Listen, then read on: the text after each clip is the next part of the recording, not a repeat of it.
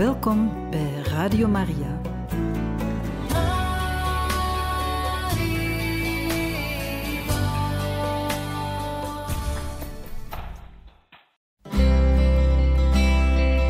Welkom bij Boekat, een programma van Radio Maria.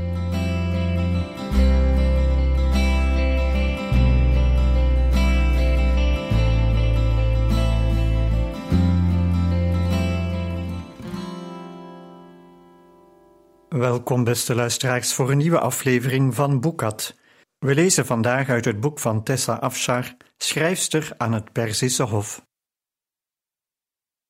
Ik ging terug naar mijn kantoor en werkte nog een paar uur door om alle zaken van de koningin zo netjes mogelijk achter te laten voor degene die mij zou opvolgen. Ik ging zo op in mijn werk dat ik kon doen alsof er geen bruidegom was en er geen nieuw thuis op me stond te wachten. Ik was net klaar toen Pari binnenkwam. Haar armen zo vol met spullen dat ik haar gezicht nauwelijks kon zien. Tot mijn verrassing liet ze alles aan mijn voeten vallen. Haar gezicht was bleek en vlekkerig. Meesteres, ik moet u voorbereiden op uw bruiloft. Ik weet dat u geen andere hulp hebt, en er moet nog veel gedaan worden. Ik ga niet weg voor ik klaar ben. Ze barstte in tranen uit. De aanblik van haar ellende plaagde mijn geweten. Had mijn weigering haar de afgelopen dagen voor mij te laten zorgen, haar in de problemen gebracht bij haar superieuren? Het spijt me, Pari, je kunt met me doen wat je wilt. Heeft iemand je berispt vanwege mij? Ze bracht haar gezicht met een ruk omhoog. Het Perzische gebaar voor nee. Wat is er dan? Mijn vader is heel erg ziek, meesteres. Ik heb eerder bericht gehad. Mijn moeder zegt dat hij stervende is. Oh, wat vreselijk. Woont hij in de stad? Ja. Dan moet je hem gaan bezoeken. Wat doe je hier nog? Ga. Dat is onmogelijk. We moeten ons haasten om u op tijd gereed te krijgen. Dat doe ik zelf wel, Pari. Hoe moeilijk kan het nou zijn? Ik had al geleerd te baden lang voordat de koningin jou op me afstuurde, weet je? Meesteres, de koningin heeft haar huid- en haarbehandeling gestuurd en haar cosmetica. En bij je was om. Ze gebaarde met een hand naar mijn gezicht overtollig haar weg te halen. Ze heeft zelfs een van haar eigen gewaden meegegeven, dat ik nog passend moet maken voor u. Ik denk niet dat u dat allemaal zelf kunt. Dat was ik met haar eens. Ik wist dat ik het vuil wel van mijn huid zou kunnen krijgen, maar ik zou waarschijnlijk het verschil niet zien tussen een haarmasker en ontharingswas. En dat zou nog naar uit kunnen pakken. Ik hoef toch niet alles te gebruiken? Nou, en of dat moet. Hare Majesteit heeft nadrukkelijk gezegd dat u alles moet gebruiken dat ze heeft gestuurd. Pari veegde haar tranen weg, maar er verschenen meteen weer nieuwe. Dan zal ik alles gebruiken. Ga naar huis. Ik zal het niemand vertellen. Ga naar huis en neem afscheid van je vader. Uiteindelijk slaagde ik erin Pari te overtuigen naar haar vader te gaan.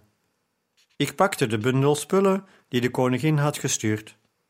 Het was vroeg in de middag en de vrouwen met wie ik mijn slaapkamer deelde waren nog aan het werk en zouden tot het avondeten niet terugkomen.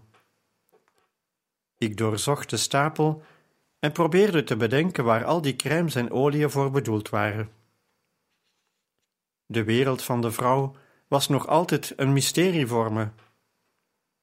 Het was ironisch dat ik midden tussen de vrouwen leefde, maar zelf een klein wereldje tussen documenten en kleitabletten bewoonde. Somme, die snapte ik. Cosmetica was net zo'n mysterie als de Egyptische grafrituelen.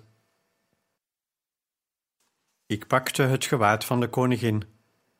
Pastelblauwe zijde, gevormd tot een eenvoudig lijfje en een wijde rok vol plooien, met enorme mouwen die bijna tot de grond kwamen. Damaspia was smaller en langer dan ik, maar aangezien de jurk aan de voorkant open was en met linten dichtgesnoerd werd, waarna een riem om de jurk ging, slaagde ik er toch in hem aan te krijgen. Damaspia zou het geheel ongetwijfeld over een strakke zijden tuniek dragen die hier en daar beschaafd onder de blauwe jurk uitpiepte. Maar een dergelijk onderkledingstuk had ze niet meegestuurd, in de wetenschap dat ik me daar nooit in zou kunnen wurmen. En dus moest ik me zien te redden met een van mijn eigen tunieken. In de berg vond ik ook een zilveren spiegel, en ik keek naar mijn spiegelbeeld. De jurk stond aan de voorzijde wijd open en onthulde veel te veel van de gevlekte ondertuniek. En aan mijn voeten lag een soort onflatteuze hoop van het teveel aan stof. Ik zuchtte. Dit kon ik wel zelf regelen. Het was een van de weinige vrouwelijke vaardigheden die tante Lea over had weten te dragen. Ik haalde mijn naaikistje en ging op de grond zitten om mijn trouwjurk om te zomen. Het duurde uren. Er zat zoveel stof in de rok dat er steeds maar stof overbleef, hoe hard ik ook doorwerkte. Tegen de tijd dat ik de ivoren naald voor de laatste keer door de stof haalde, was ik uitgeput. En terwijl mijn vingers druk bezig waren geweest, deed mijn geest pogingen alle overdonderende gedachten te ordenen. Wat voor soort man zou mijn echtgenoot zijn? Hij was vernoemd naar de op één na grootste Achaemenidische koning. Was dat tekenend voor zijn trots, zijn gevoel van belangrijkheid?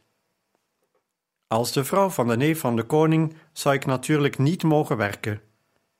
Maar zou hij me toestaan te lezen en te schrijven? Wat als ik hem afstotend vond, arrogant, een tiran? En mijn grootste angst, zou ik hem teleurstellen? Zou hij op me neerkijken? Angstige gedachten die met een enorme intensiteit door mijn hoofd spookten, tot het punt dat ik dacht er niet meer tegen te kunnen. Ik had geen tijd om me aan mijn lot aan te passen. Mijn weerstand tegen dit huwelijk had de eerste paar dagen mijn aandacht opgeslokt.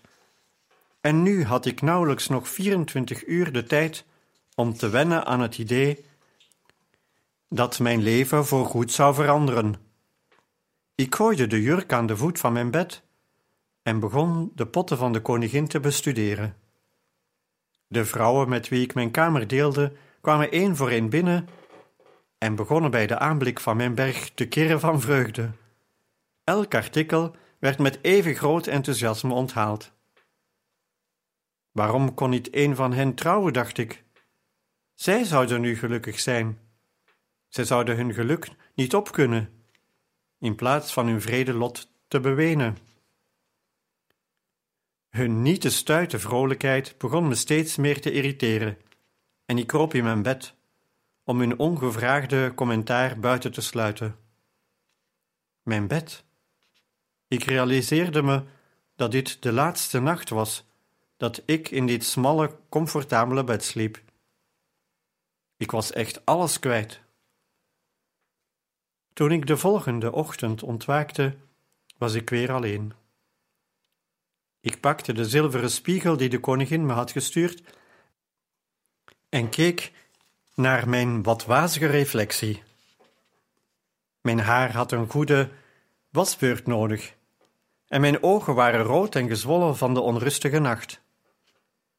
Mijn lippen, misschien wel het beste aan mijn gezicht, waren normaal gesproken vol en zacht, maar oogden nu gebarsten en droog. De donkere, donzige schaduw op mijn bovenlip herinnerde me eraan dat ik geacht werd al het overtollige haar van mijn lijf te halen. Perzische vrouwen gingen gezichts- en lichaamsbeharing te lijf alsof het staatsvijand nummer één was. Ik had dat nooit begrepen. Het groeide toch weer aan. Bovendien had ik geen idee hoe ik het aan moest pakken. Ik plukte een pot koude was en de repen stof die erbij hoorde uit de stapel. Dankzij het enthousiasme van mijn kamergenoten gisteravond was ik nu tenminste in staat de objecten die Damaspia me gestuurd had te identificeren, hoewel ik nog steeds niet helemaal begreep hoe ik ze moest gebruiken. Ik besloot eerst maar wat was op mijn benen te proberen. Een kleverige klont die vagelijk aan honing deed denken, klampte zich vol overgave aan mijn been vast. Ik smeerde het, het een beetje uit en drukte er een reep stof op en trok. Hard. Ik gilde het uit van schrik. Wat deed dat zeer? Hoe slaagden vrouwen erin dit regelmatig te doen? Ik had het blijkbaar niet goed gedaan, want mijn been had maar een paar weerbarstige haren losgelaten, terwijl de andere zich stug vast bleven houden aan hun wortels. Na nog een paar pogingen gaf ik de moed op. Ik was één grote, kleverige rommel geworden. En was, ondanks al dat afzien, nauwelijks een haar armer. Darius Pasargadai zou het moeten doen met een harige bruid. Ik had geen medelijden met hem. Zonder enig enthousiasme pakte ik een paar potten crème en huidspulletjes en ging op weg om een bad te nemen. Ik bleef in het water liggen tot het koud was geworden. Ik had nog nooit zoveel verschillende geuren op mijn huid gehad. Mijn haar rook naar jasmijn, mijn vel naar verse limoenen en rozen. En mijn adem geurde naar munt. Ik voelde me net een enorme fruit- en bloemenmand. Het was maar te hopen dat mijn bruidegom al die frisheid kon waarderen. Want ik bezorgde mezelf een stevige hoofdpijn.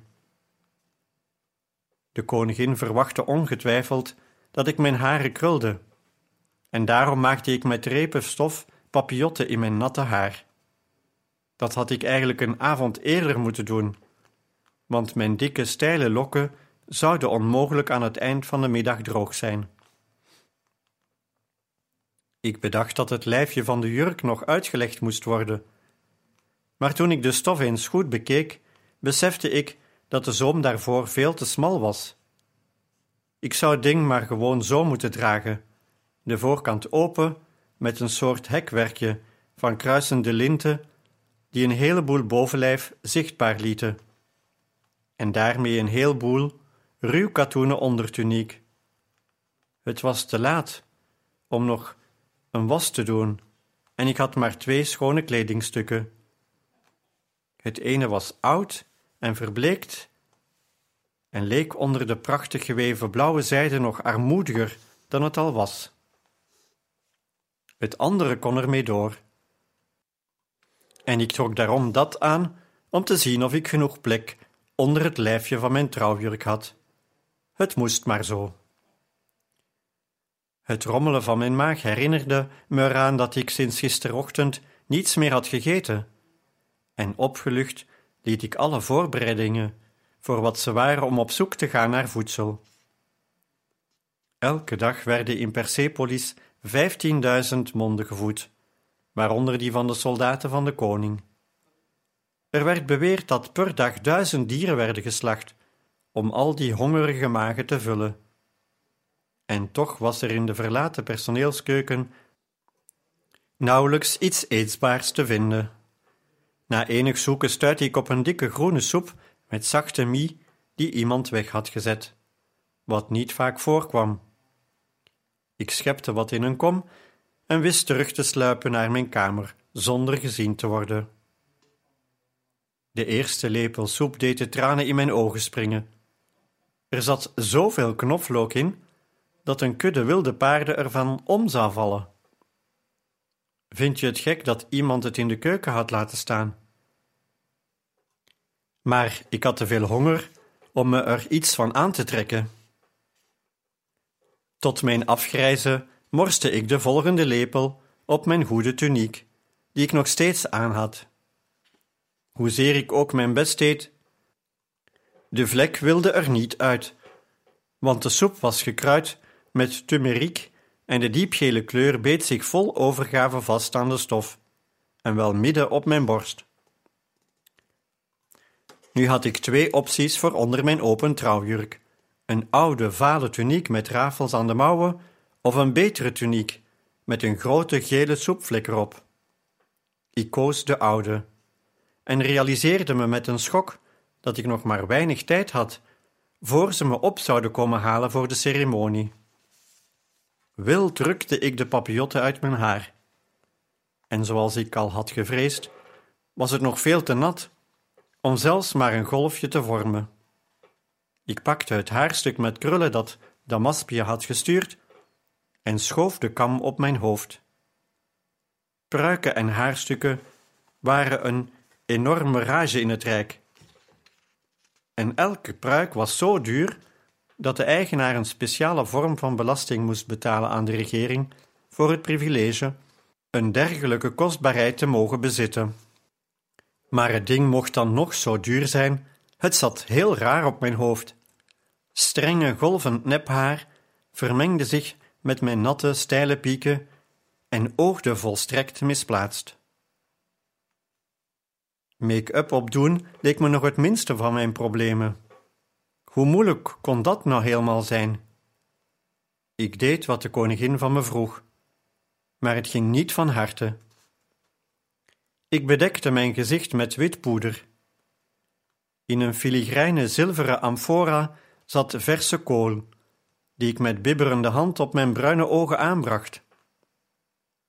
Er was een rode pot voor mijn wangen en een andere voor mijn lippen. Ik bracht het aan en hoopte maar dat ik het juiste spul op de juiste plek smeerde. Toen ik elk van de luxe items had gebruikt die Damaspia mij had gestuurd, bekeek ik mezelf in de spiegel en hapte naar adem. Ik zag er afzichtelijk uit. Ik had veel te veel poeder gebruikt en de witte tint die afstak tegen mijn dikke, nog nooit geëpileerde wenkbrauwen, die elkaar halverwege mijn voorhoofd ontmoetten, zorgde ervoor dat ik meer op een lijk dan op een levende vrouw leek. Door de manier waarop ik de kool had aangebracht, zagen mijn ogen eruit alsof ik net met iemand had gevochten en ernstig had verloren. En ik begon nu enigszins ongemakkelijk te begrijpen waarom Perzische vrouwen hun gezicht onthaarden. Mijn donzige snor rustte als een harige rups boven mijn onnatuurlijke rode lippen, als een insect op een rijpe vrucht. Mijn reflectie in de spiegel nam het allerlaatste beetje bravoure en zelfvertrouwen weg.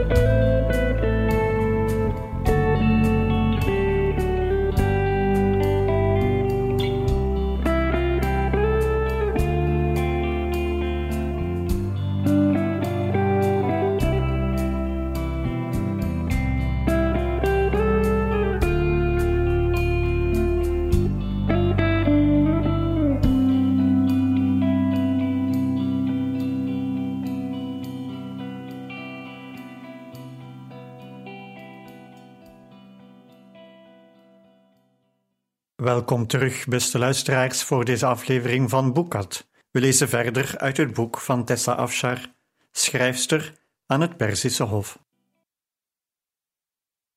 Nog voor ik mijn gezicht kon schoonmaken, kwam een van Damaspia's hofdames binnengestormd. Waar blijf je nou? Iedereen is er al. En. Mijn hemel, wat heb je met jezelf uitgespookt? Ik. Wilde net mijn gezicht schoonmaken en opnieuw beginnen. Daar is geen tijd meer voor, riep ze uit. Wil je me alsjeblieft helpen? smeekte ik. Ik deed een stap in haar richting en begon eindelijk echt in paniek te raken bij het vooruitzicht op de vernedering die me ongetwijfeld te wachten stond. Ze drukte een hand tegen haar neus en mond. Heb je rauwe knoflook zitten eten of zo? Je stinkt. Ik sloeg een hand voor mijn mond. Wat moet ik nou doen? Er is geen tijd meer, zei ze wederom. Je loopt al de kans dat je de koningin beledigt.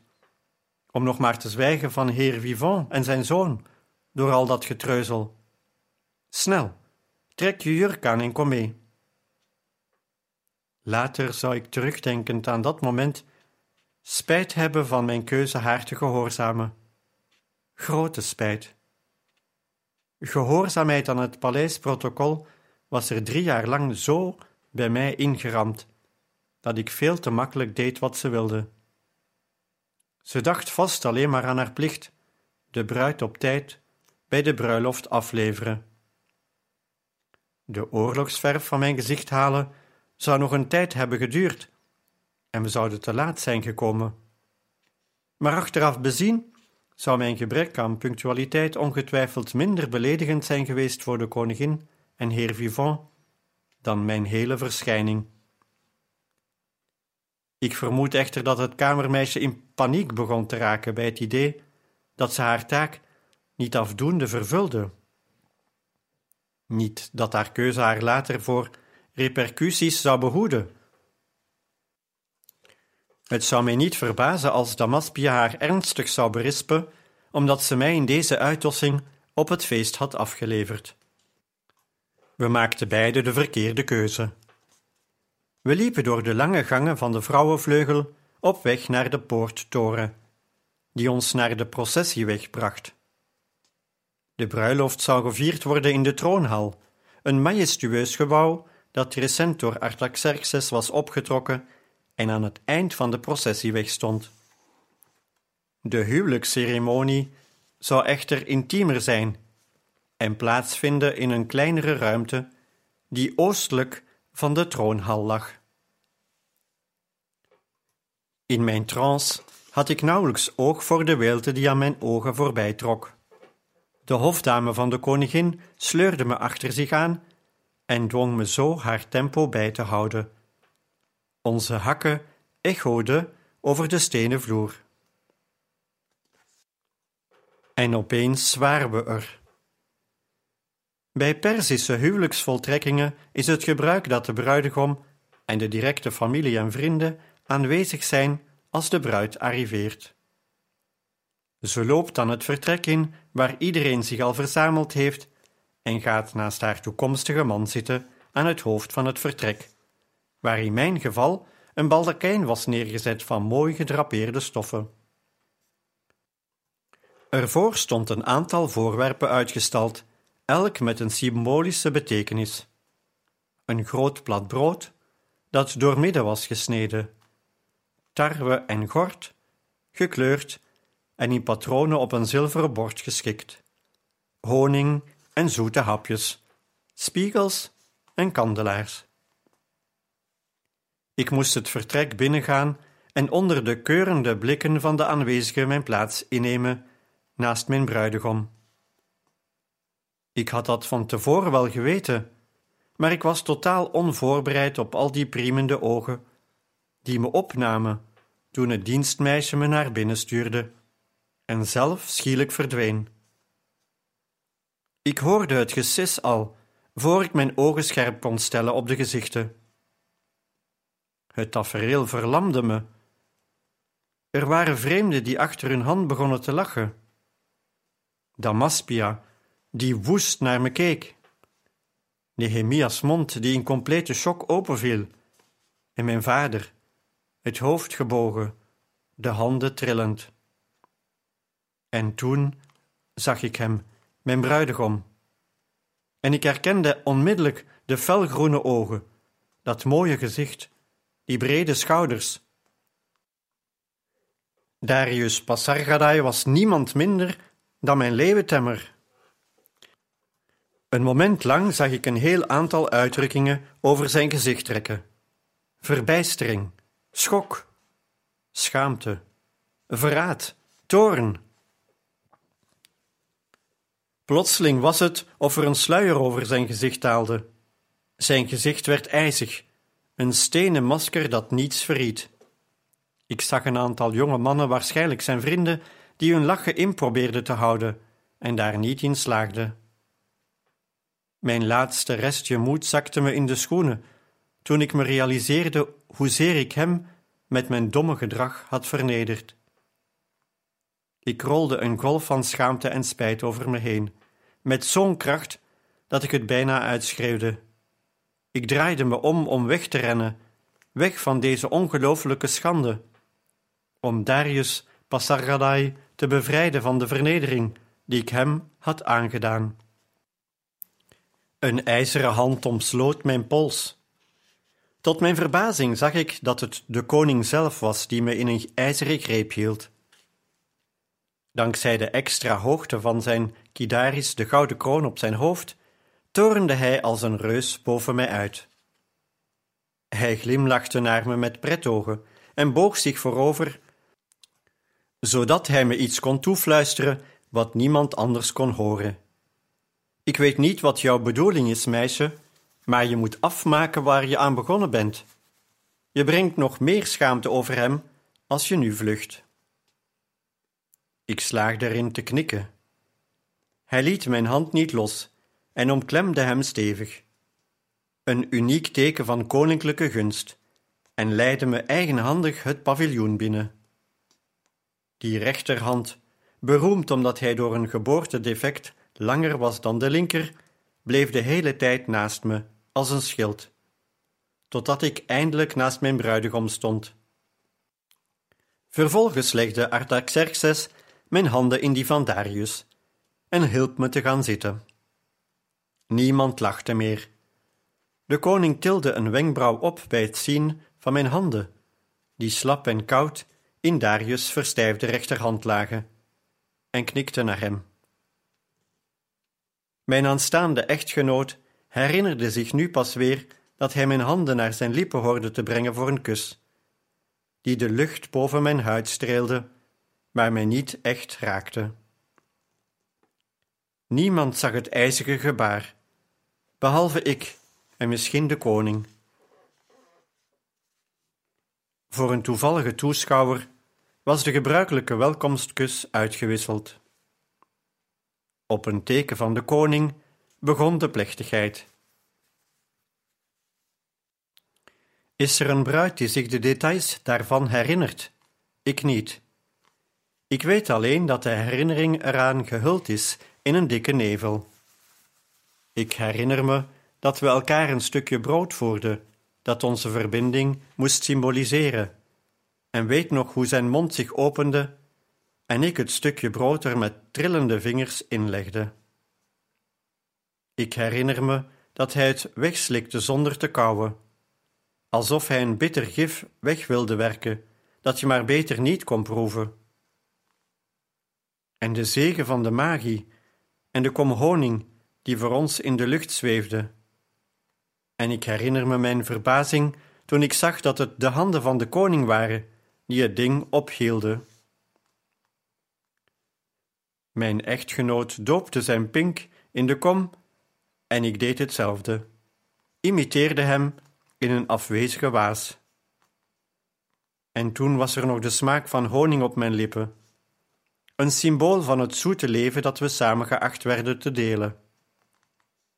Ik beging daarbij de fout hem heel even in de ogen te kijken en verslikte me bijna toen ik zag hoe de ijskoude sluier heel even opgetild leek te worden en plaats maakte voor een blik van minachting, die zo heftig was dat mijn hart bijna stil bleef staan.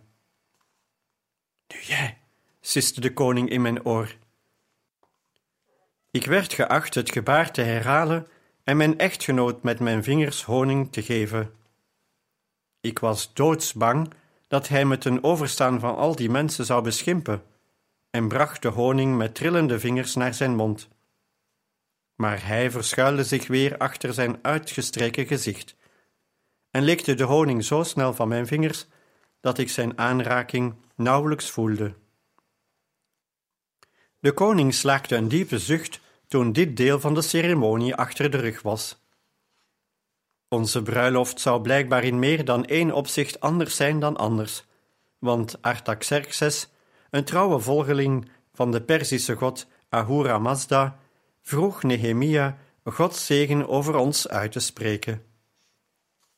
Ergens in mijn wazige brein dat de koning hiermee publiekelijk zijn goedkeuring uitsprak over de keus van mijn man een Joodse bruid te trouwen, en daarmee over mij.